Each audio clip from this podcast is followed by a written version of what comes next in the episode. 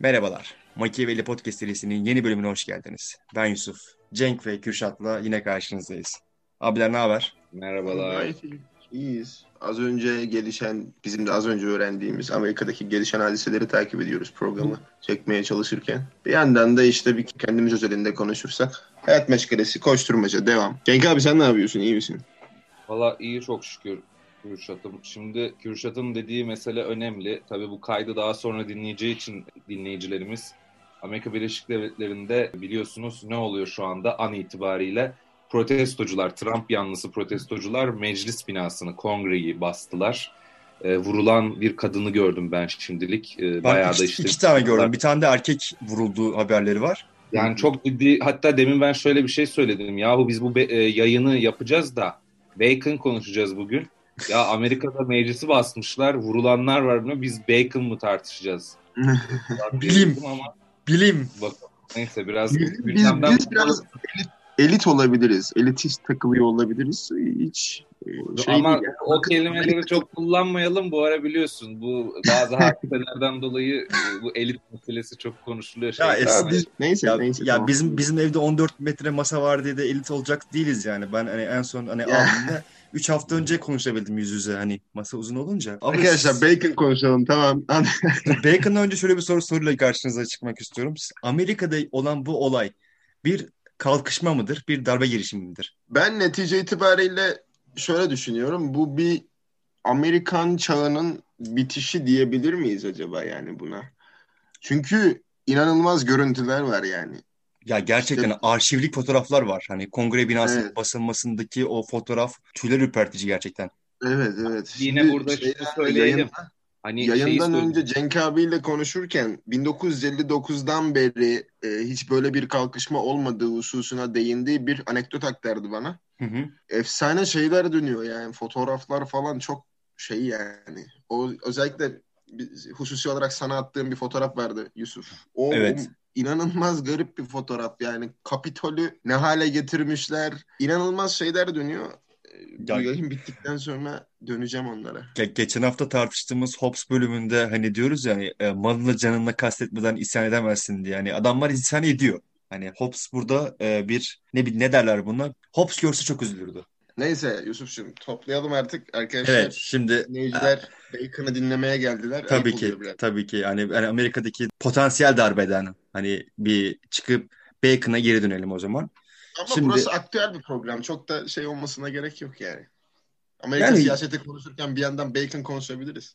Yani çok çok bağ- ben bağlayamam açıkçası ama hani ya konuşuruz şey değil yani aman bize ne Amerika'dan deyip Bacon'a geri dönüyorum. Şimdi o zaman her program yaptığım şeyi yapıyorum ve soruyorum. Abiler kimdir bu Bacon? Ben başlıyorum. Francis Bacon aslında daha doğru bir ifadeyle Sir Francis Bacon. Hayatını aktarmadan önce şunu ifade ede- edebilirim. Sallantılı geçen politik hayat ve bilim uğruna verilen bir candan bahsediyoruz. Kendisinin kimlik ve ünvanları hakkında da şunu söyleyebilirim. Francis Bacon, İngiliz filozof, bilim insanı, avukat, hukukçu, devlet adamı ve yazar. Bacon 1561'de 22 Ocak 1561'de Londra'da doğmuş. Kraliçe 1. Elizabeth'in Adalet Bakanı olan Nicholas Bacon'ın oğlu kendisi. Belki malumatınız vardır.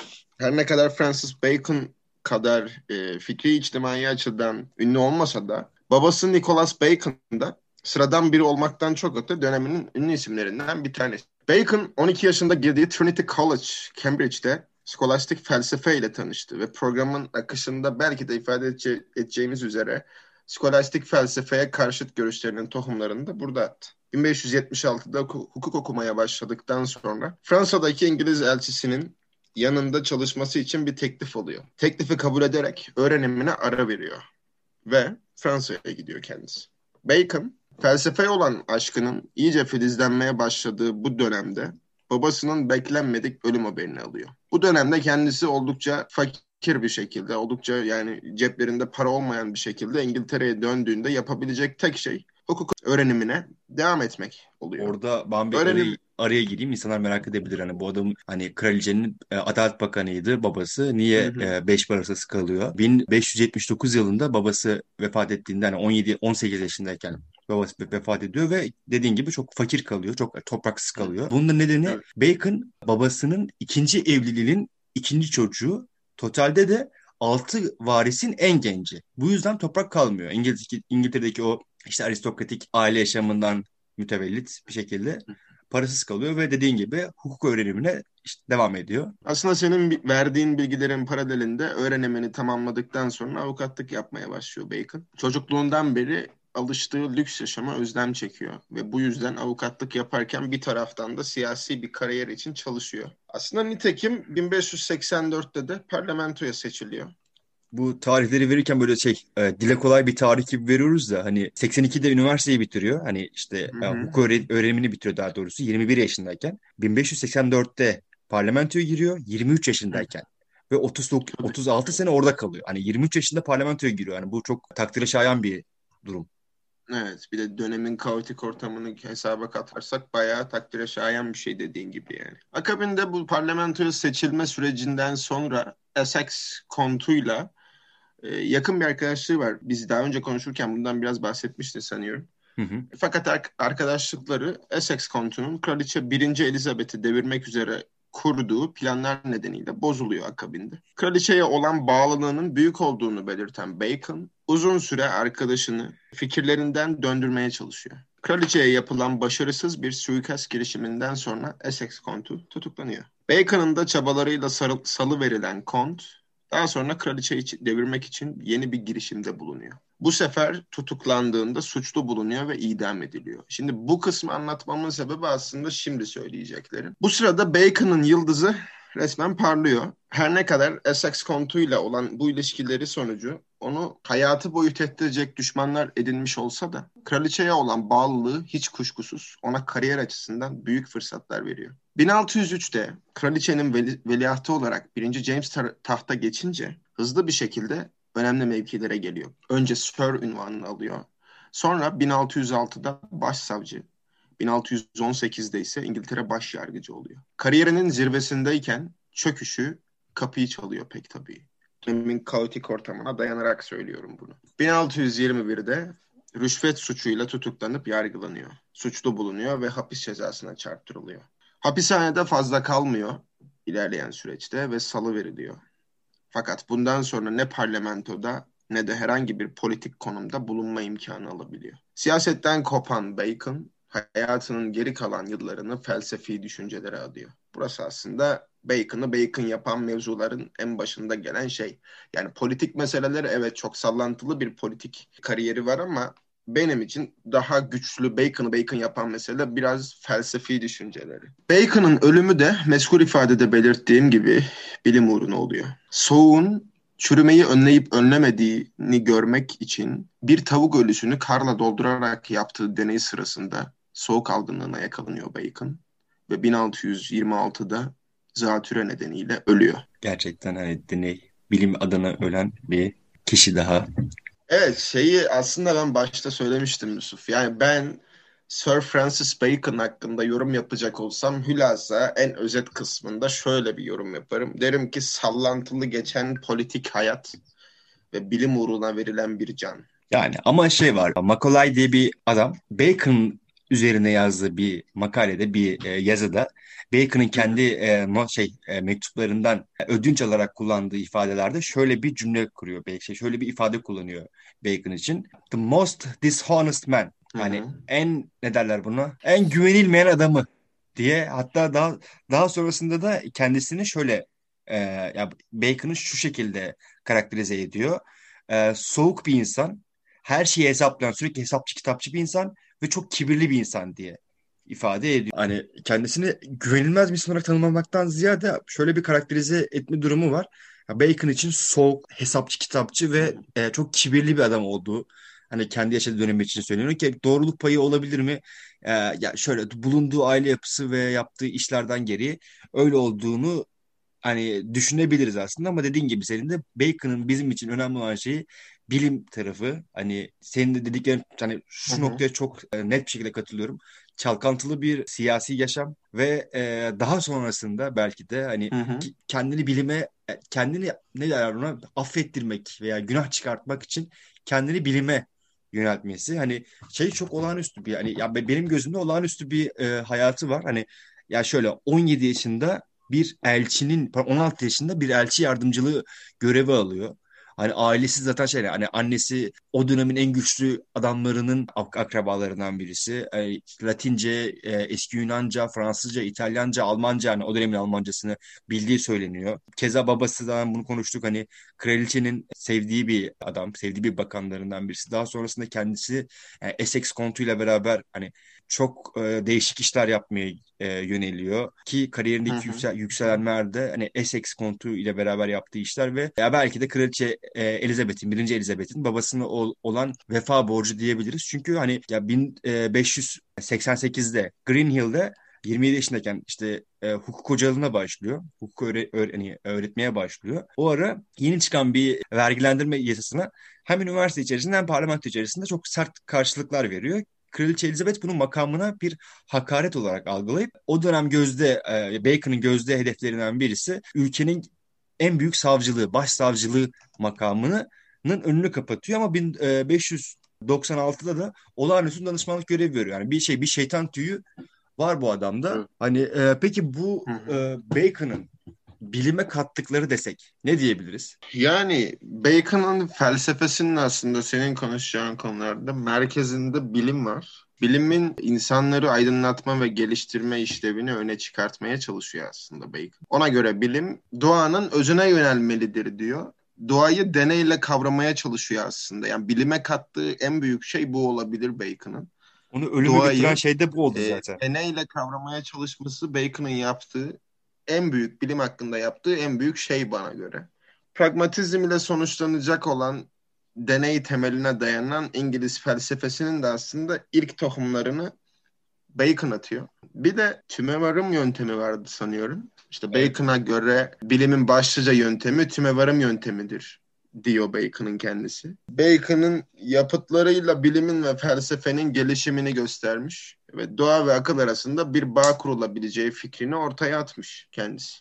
Bunu söyleyebilirim yani. Diğer yandan e, şöyle bir şeyi var tabii. Bu bizim için neden önemli olduğu genel bağlam içerisinde hep neyi tartışıyoruz ya da neyi konuşuyoruz biz programlarda özellikle Machiavelli, Machiavelli Podcast altında giderek daha sekülerleşen bir dünya işte düşüncenin ilk başta farkındaysanız dini bir takım şeylerden etik ve dini altyapılardan yola çıkmıştık. Yavaş yavaş bu düşünürleri konuştukça e, nereye doğru gittik? İşte daha seküler, daha kendi içerisinde bir siyaset ve kendi içerisinde bir insan doğası tanımlanmaya başlandı. Hatta bu etik kodlardan bile arındırıldı. Sadece dini e, işte düşünce, dini arka plandan değil, antik Yunan'daki daha işte etik denilen e, meseleden de kopuldu. Bacon'ın çok fazla siyasete dair söyleme, kendisi bir siyasetçi, siyasetçilik de yapmasına rağmen çok fazla hani bir Hobbes gibi ya da işte bu diğer bahsedeceğimiz isimler gibi bahsettiğimiz isimler gibi siyasetle anılmıyor fakat ciddi olarak bu düşünce biçimi işte felsefe felsefeyi biraz daha hani deneysel hale getirmesi, düşünceyi daha deneysel hale getirmesiyle birlikte aslında bu genel bağlama oturuyor. Bir diğer açıdan biz geçen hafta da bahsettik, hatırlıyorsunuzdur. Ee, aslında bir kronolojik olarak bir tersine oldu bu program ama normal evet. Hope gençlik yıllarında Bacon'ın asistanlığını, sekreterliğini yapıyor. Hı hı, hatta evet. hatta geçen bu hani programı kapatırken söylemiştik. Ben bunu bu hafta bir sunumumda da kullandım. Ee, bir sunum yaparken açıkçası iyi oldu bir yandan. Hani program için araştırma yapmak. Bu bilgi güçtür. İşte bilgi iktidardır dediğimiz o sentia potentia est diye yanlış evet. hatırlamıyorsam latincesi. Bunu doğru, ilk doğru. bu haliyle bu bahsettiğim bilgi işte knowledge is power, bilgi güçtür, bilgi iktidardır ifadesi 1600 alt, e, şeyin e, Hobbes'un Leviathan'ın 1668 versiyonunda mıydı? O e, evet. baskısında sanırım geçiyor fakat daha önce tam, Bacon'da geçiyor ama. Ha, Bacon'da geçiyor ama bu ifade geçmiyor. Bacon'da şey olarak geçiyor. Biraz daha uzun bir cümleyle. Yani böyle sloganik bizim o bildiğimiz bilgi güçtür ifadesi değil de hani bilgi gücün temelinde yer alır gibi bir ifade geçiyor. Bilginin o kendisi da... güçtür. Hani ipsa ha, bilgi... ipsa scientia potentes est. Tamam. Ha işte bu bu bahsettiğin bilginin kendisi güçtür onda geçiyor şeyde e, resmi olarak hani kayıtta. Ya tabii Hobbes almış bunu. Belli yani. Ee, tamam çok fazla şey yapmayalım ama bir çıkarım yapmaya çalışıyoruz. almış daha sloganik bir hale getirmiş ve bu bugüne kadar nereden geldi? İşte Foucault'a kadar da geldi bu aslında yani. Tabii Foucault yani da şu, şöyle yani, ya, kronolojik olarak ters yaptık diyoruz ya mesela ama düşünce tarzı olarak bence kronolojik gidiyoruz. Çünkü hani ya Aslında Hobbes, evet, doğru. ya Hobbes'la Machiavelli hani biraz şey hani, e, birbirini tamamlayan e, düşünceler hani ama Bacon hani şimdi Hobbes, Machiavelli dediğimiz karakterler hani şu an konuştuğumuzda kimlerin önünü açıyor? Kenneth Wolf'ların önünü açtı. İşte Kissinger'ların önünü açtı. Şu an e, günümüz dan bahsetmek gerekirse bunların önünü açtı ama Bacon'ın bu deneysel algılanması ve hani senin bahsettiğin gibi Cenk hani seküler yaşam tarzına veya e, bilimin sekülerleşmesine çünkü biliyorsun bilim seküler değildi eskiden. Bilim tamamen kilisenin elinde evet. bir olguydu bilimin sekülerleşmesine bir katkı sağladı. Bacon hani aslında şahsi fikrim bu tabii hani kaynak belirtemeyeceğim bu noktada. Ya Auguste Comte'un Durkheim'ların önünü açtı. Hani işte ne bileyim Popper'ların önünü açtı. Yani şimdi şey hani deneysellik diyoruz, tümevarım diyoruz ki tümevarım hani ta şeyden gelir hani Sokrates'ten gelir. Hani bu ola şey tümevarım durumu babasıdır Hı-hı. Sokrates bunun ama Bacon bir anda hani Popper'ın dediği hani falsification böyle e, ne derler yanlışlanabilme durumunun başlangıcını oluşturdu aslında. Ki şeyde şey vardı. E, Comte'da ki belki başka bir program serisinde bahsederiz bu, bu isimlerden. Hani Comte'da da şey var. Testable olması. Yani test edilebilmesi gerekiyordu. Bunun ilk e, donelerini yani o işte buna aslında bir pragmatizm yaftası da koyabiliriz bu noktada. İlk e, donelerini Bacon veriyor. Hani Hı. senin bahsettiğin o sekülerleşme ve bilimin sekülerleşmesi toplumun sekülerleşmesi durumunda Bacon hatta hani ek bilgi olarak şöyle bir şey verebilirim. Çok çok ileri gidiyor. Zamanının bence inanılmaz ötesine gidiyor. Hani ahlaki boyutunu kesinlikle hiç tartışmıyorum ama kendisi ötene, ötenazi kavramının e, ya günümüze yakın bir e, anlamını savunan bir adam. Hani diyor ki hekimin görevi hastanın sadece acısına son vermek veya hastalığı sadece tedavi edip iyileştirmekle sınırlı, sınırlı değildir.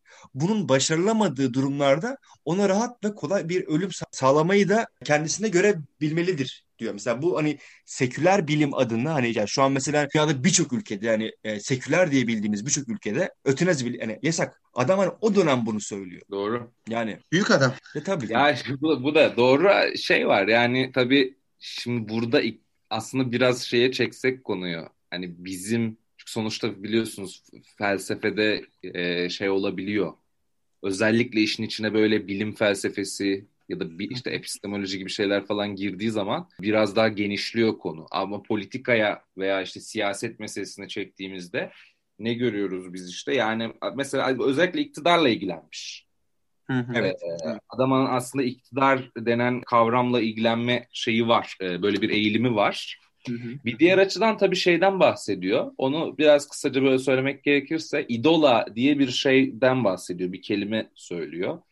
Bunların e, insanın takıntıları olduğu, daha doğrusu şimdi önemli olan neydi Bacon için? Deneysel yöntem araştırmaların temelinde yer alsın diyor herhangi bir araştırmanın ve deneysel yöntemle yöntemin belirleyiciliğinde yapılacak hani bilimsel araştırma anlayışıyla ilgili bir vurgu yapıyor ve diyor ki bir bilimsel yöntem, deneysel yöntemin ortaya konabilmesi için zihnin ön yargılardan yani bu da takıntılar da diyor buna kurtulması gerek. Bunlara idola diye adlandırıyor. Evet. Dört tip idolası var mesela. Ee, İdoller... özür, özür dileyerek e, araya giriyorum. Hani e, idola kelimesini İdoller... Türkçe çevirilerde put olarak çevirmişler. Evet. Yani ido, idol aslında hani ne bileyim put olur mu? Ya o çok öz Türkçeci bir anlayış gibi geldi bana ya. Aha. Hani çok fazla şey yani put tam ifade ido, idolü tam put ifade eder mi onu bilemedim.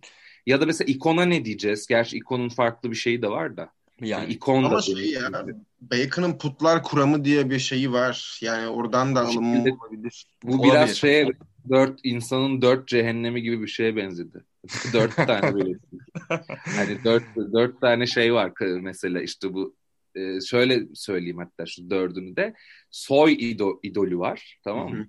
Mağara idolü, çarşı pazar idolü, tiyatro idolü. Şimdi soy sop idolünde bireyin düşünce dünyasından gelen ön yargılar. Mağara idolü dediği şey bireyin sahip olduğu yanlış eğilim ve temayüller. Evet. Buna belki ne bileyim hani mağarayı neden söylediğini bilmiyorum. Şu an sadece bir benzetme yapacağım. Acaba işte bu ideal kuramıyla mı alakalı? Yani oradan alma. Mağarayı bence şeye benzetmesinden ötürü olabilir ya. Mağara kavramı işte çevre, eğitim, toplumsal ilişkiler falan olabilir yani. Ya bence mağara kavramını şu yüzden söyledi. Hani insanların içinde olan hani kendilerinin bile fark etmediği bazen ve her an dışarı çıkabilecek böyle kıyıda köşe, köşede kalmış köhne eğilimler, istekler veya e, kötü davranışlar Mağara olarak da. eğilim eğilim temayülü anlatıyor zaten burada mağara. Mutlaka diye. da yani toplumsal anlamda ilişkiler ya da işte eğitimde aldığı şeyler. Onu işte çar- eğitim- çarşı pazar e, Heh, o idollerinde çarşı pazarda. Doğru. Çarşı pazar dediği bu idolafori dediği dilden yayılan hani dilden dile insanlar tarafından yayılan e, genel ya- e, dilin yanlış kullanımından gelen ön yargılar. Sonuncu olarak orada belirtiyor. Sonuncu olarak tiyatro idolü, o idola teatri dediği şey felsefe anlayışının farklı olmasında, yani anlayış, bakışı burada paradigmadan bahsediyor. Hı hı. Anlayışın farklı olmasından gelen ön yargılar. Burada basma kalıp kuramları reddetmesinden falan Ve da bahsediyor. aynen öyle. Yani bu tür takıntılardan ayıklamadan bilimsel araştırmaya yönelemeyiz. Gibi Tabii bir anlayışı var onun. Bunları ayıklamak Ya gerekiyor. bunu daha aslında sonra bu tüm dogmalar, özür dilerim Yusuf, aslında Estağfurullah. bu tüm dogmalar muazzam şeyler yani günümüz için falan da. Açık. Soy, işte çarşı pazar kavramı falan. Ve bak mesela bak ben diyor o- ki basma kalıp diyor inandığınız şeylere basma kalıp şeylere açık kapı bırakın diyor yani. Orada araya gireyim mesela. Şimdi biz bunları daha sonraki dinleyicilerimizin hani büyük bir kısmı bunu buna denk gelmiştir. Mesela bu kalıpları e, ya bu ya bu düşünce tarzını veya bu idolanın kapı açtığı düşünürlere bakalım hani mesela hani şimdi bu işte sahne şey e, putları veya idolleri yani şey bu, biz bunu Baudrillard'da göreceğiz. Hani daha sonrasında. Veya ne bileyim işte hani çarşı pazar e, ido- idollere. Biz bunu daha sonra Durkheim'da göreceğiz.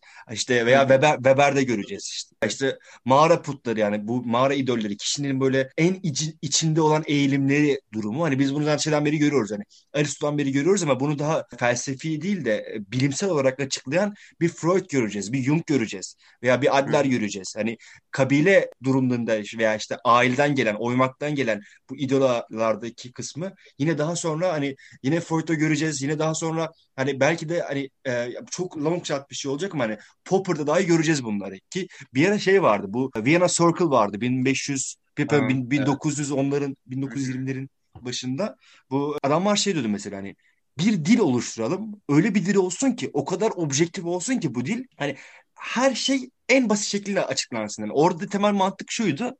Yanlış hatırlamıyorsam bütün ön yargılardan sıyrılıp bütün bu Evet, tamamıyla bu. ha Ön yargıları bir kenara bırakıp çok daha rahat kendini ifade edebileceği bir dil oluşturmaktan bahsediyor kendisi. Kesinlikle. Da- Daha sonrasında bu Viyana Circle'daki bütün adamlar postmodernist oluyor. O ayrı bir şey. O tarihin küçük bir cilvesi ama olsun. Şimdi ideadan falan bahsettik hani ama mesela bu adam Trinity College'a girdikten sonra bir Hı hı. Aristoculuk düşmanlığı Var e- var. edindi deniyor. Hani e, Evet. okuduğum bir makalede şu an makaleyi bulmaya çalışıyorum. Mesela şöyle bir ibare geçiyor. Aristoculuğa düşman oldu ama Aristo'ya ve eserlerine değil diyor. Hı. Ve daha sonrasında da ekliyor. Hani e, yazarımız şöyle söylemiş. Aristo doğaya bak bakıp eserlerine doğaya bakarak vermişti. Biz hani Orta Çağ düşünürleri ve Rönesans düşünürlerinden bahsediyor sanırım. Niye sadece Aristo'ya bakıyoruz? Biz de doğaya bakalım diyor ve bence burada bir yine deney- deneyselcilik faktörü devreye giriyor. Ya bu hatta bu deneyselcilik mevzusunda hatta işte Locke'dan Hume'a, işte John Mill'den kime, işte Bernard Russell'a e, uzanan İngiliz deneyciliğinin kurucusu olarak atfediliyor kendisi. O yüzden deneyciliğe atlama mevzusuna da böyle bir katkı sağlayayım. Çok şey yani. Kesinlikle deneyici bir adam ve işte senin açıkladığın şeylerin paralelinde de geçmişten bugüne yani o kendisinin bulunduğu zamandan bahsediyorum. Geçmişten kendisinin bulunduğu zamana kadar olan süreçte deneyselciliğin kurucusu kendisi. Bu da ayrı bir anekdot olsun. Bence için. güzel bir anekdot oldu. Cenk katmak istediğin bir şey var mı? Valla Bacon meselesinde çok fazla siyasete göremedim. Çok siyasete de dokunamadık. Yok Ve- zaten yok abi ya. Çok kısıtlı Çok- bir mevzu aslında. Biz seninle de konuştuk. eğlenemedik. Şimdi biz zaten Amerika'daki olayları izleyerek buraya geldik. Böyle kaos vardı orada onu izliyorduk. Böyle burada çok siyaseti de göremeyince biraz mo- modum düştü açıkçası. O nedenle bir sonraki programda daha böyle Daha- siyasal şeyler konuşalım. Daha kaos. Hobbes'ta bile kaos vardı. Adam kaçmıştı evet Ya olaylardan da en Hobbes'a bile azından- değil hani adam en kaoslu adam adamlarımızdan birisiydi. Hobbes'ta bile değil yani. Hani kaçmış, kaçtı işte adam. ya bir de Tamam. hafta- haftaya olan programda daha büyük kaoslar var. John Locke Çok hani tatlı, çok tatlı, çok tatlı. çok tatlı bir severiz. kaos. Hani Çok e, severiz Locke'u. Severiz kendisini. Problemim Ben yok yani. severim Locke'u ya ama şey yani hani neyse konuşuruz onu ya. ya Rob- Robinson Abi- Crusoe'un cumasını hatırlayan herkes Hobbes yani Locke'a karşı bir ön yargı beslemelidir bence. Doğru da Bunu geçen- kölelik yanlısı. Kölelik Ee, yanlısı. e, bunu bir sonraki Doğru. programda e, yapalım o zaman. Bunu söyleyelim. Cenk abi Allah'tan işte bu Amerika'daki kaotik ortam oldu. O da olmasaydı şey hakkında konuştuğumuz kişi hakkında çok fazla şey yok. Siyasi şey yok yani. Tamamen işte bir tık Doğru. biraz felsefe, biraz hayat hikayesi falan. 10 dakikada bitecek programı biz yine sohbet edasında tahminimce 25-30 dakikaya kadar götürmüş olduk. Umarım dinleyiciler fayda sağlar bizden. Umarım, umarım. Ya bugün bence işte 7 Ocak 2021 şu an itibariyle yani 6 Ocak 2020, 7 Ocak 2021'de e, yaptığımız bu çekimde bence şahsi fikrim tarihe tanıklık ettiğimiz bir gündeyiz. Hani e, özellikle Amerika'daki olan bu olaylar ve Donald Trump'ın yaptığı son derece e, Dur benim dur dur. Oralara hiç girme. Boş ver. Programı kapatalım. Tamam zaman. saracaklar arkadaşlar. Biliyorum yani ne anlatıyorsunuz siz diye. Peki. O zaman şöyle yapıyoruz. Arkadaşlar ağzınıza sağlık. Haftaya tekrar Eyvallah. görüşmek üzere. Teşekkür ederim. Çok sağ ol. Eyvallah. Kendine Machiavelli, çok iyi bak. Bay bay. eyvallah. Machiavelli Podcast'in bir bölümünün daha sonuna geldik. Haftaya umarım tekrar karşınızda olacağız. Görüşmek üzere. Görüşmek üzere.